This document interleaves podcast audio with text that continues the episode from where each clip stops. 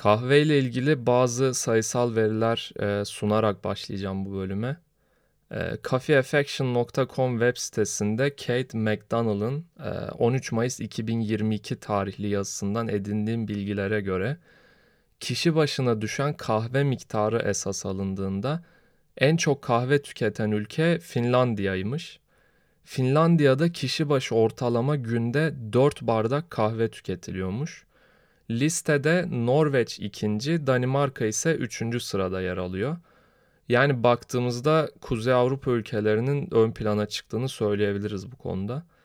Ee, ülke genelindeki toplam tüketim miktarına baktığımızda ise birim olarak 60 kilogramlık paketler kabul edilirse Brezilya yıllık 12.3 milyon paket ile birinci sırada. Ee, ülke genelindeki toplam tüketim miktarında bu. Ee, Türkiye ise bu listede 3.7 milyon paket ile 8. sırada yer alıyor. Yani iyi sayılar. Neyse aslında burada zaten farkında olduğumuzu düşündüğüm bir durumu sayısal olarak sunmak istedim. Ee, o durum da dünya genelinde ciddi bir kahve tüketiminin söz konusu olması. Ee, Birçok insan için kahvesiz bir hayat düşünülemez belki de. Ee, podcast'ın başından beri sürekli kahve kahve diyorum. Aklınıza bazı kahve markaları gelmiş olabilir. Ama bir tanesini söyleyin desem çoğunuz yüksek ihtimalle aynı markayı söyleyecektir. O marka temelde bir kahve üreticisi. Yani bu açıdan baktığımızda çok da bir farkı yok diğerlerinden aslında. Ee, diğer kahve üreticilerinden veya kafelerden. Ee, peki niye hani dünya çapında bu kadar popüler oldu veya diğer kahve üreticilerinden e, veya kafelerden onu ayıran ne? Bu kadar popüler olmasının sebebi sizce diğer markalara göre daha iyi kahve yapıyor olması olabilir mi? Yani yoruma açık bir konu gibi. Bu soruya kesinlikle kahveleri bir farklı abi diyenler de olacaktır. Ya bildiğimiz kahve işte diyenler de. Bence zaten sorunun cevabı kahvede değil.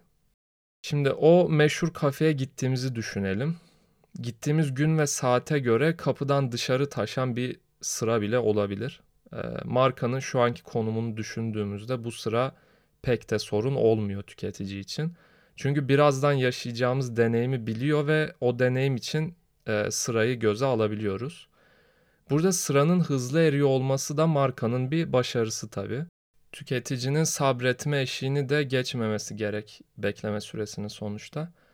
E, ayrıca sırada beklediğiniz süreyi arka duvardaki menüyü inceleyerek veya raflardaki ürünlere göz atarak hani değerlendirebilirsiniz. Marka için çok ideal bir satış ortamı aslında hani düşündüğümüzde. Deneyim açısından da sizi sıkmamış oluyor. Ee, biz ne içeceğimizi falan düşünürken sıra bize gelmiş oluyor zaten. Ee, bu tarz bir markanın Türkiye gibi pazarlara girerken yarattığı en yaygın düşüncelerden biri e, menüsündeki kahvelerin aslında halk tarafından çok fazla bilinmemesiydi. E, bunu tırnak içinde belirtmek istiyorum. Halk tarafından bu kahve çeşitlerinin bilinmiyor oluşu negatif bir yargı belirtmiyor. E, bu tamamen hani kültürlerin farklılığıyla alakalı.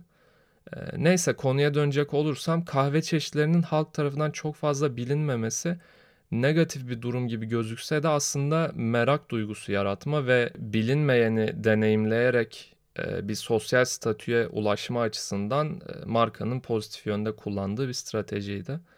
Hatta sosyal medyada geyikler dönmeye filan başladı hani hatırlayın. İnsanlar birbirlerine bu tarz konularda takılmaya başladı. İşte abi white chocolate mocha kahve mi ya falan ya da kahve dediğin sütsüz olacak gibi. Yani o yeni tanıştığımız kahve çeşitleri aslında markanın konuşulmasına yol açtı. Neyse ne içeceğimize de karar verdiğimize göre artık o sihirli soru geliyor.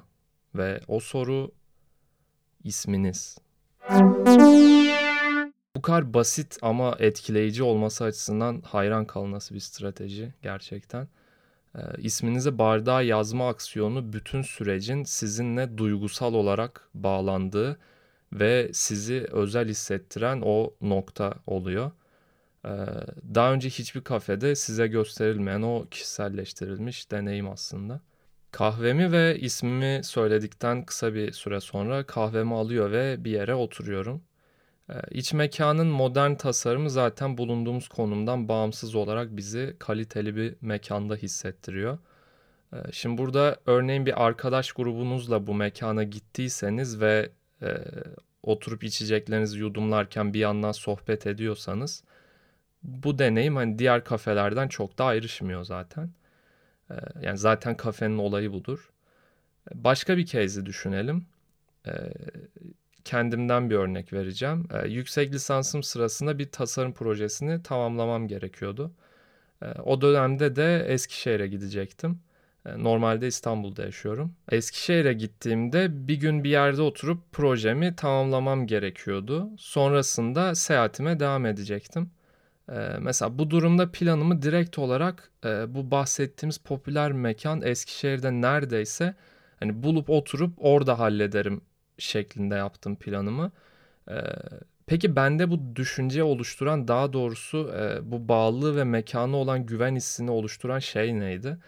Eee, tabii ki mekândaki daha önceki deneyimlerim.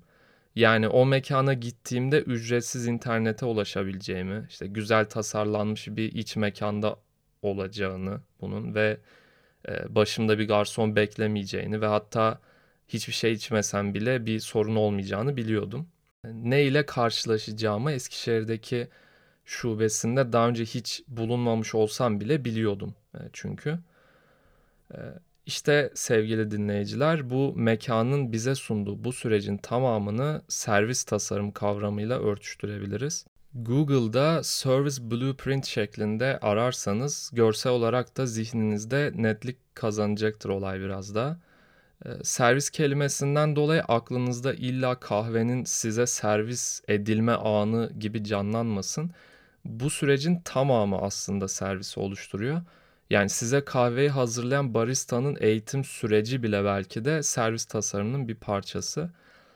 Ama o kadar detaylı inceleyip, eee, olayı sıkıcılaştırmak istemedim. Eee, biraz daha bizim mekân ile etkileşimde bulunduğumuz noktalar, eee, üzerinden örneklendirmeye çalıştım, eee, ben servis tasarımını. Eee, bölümün başında sorduğum sorunun, yani, "Neden bu marka diğer kafelere göre daha popüler?" eee, sorusunun cevabına bu markanın, eee, servis tasarımını çok zekice ve başarılı bir şekilde kurgulamasından, eee, kaynaklı olduğunu söyleyebilirim kişisel olarak. Yani ileride servis tasarımı kavramını duyarsanız aklınıza bu kafeye gittiğinizde yaşadığınız deneyim gelebilir veya bu kafeye gittiğinizde yaşadığınız süreci bir sonraki gidişinizde, eee, bu konuştuklarımız üzerinden bir daha düşünün dilerseniz. Eee, nasıl bir servis tasarımı düşünülmüş, eee, bir de siz inceleyin. Eee, belki benim bahsettiğimden farklı etkenler de fark edersiniz. Eee, bölüm boyunca marka ismini niye söylememeyi tercih ettim ben de bilmiyorum. Eee, hangi marka olduğundan emin değilseniz bana Instagram'dan veya mail üzerinden yazın, eee, söylerim.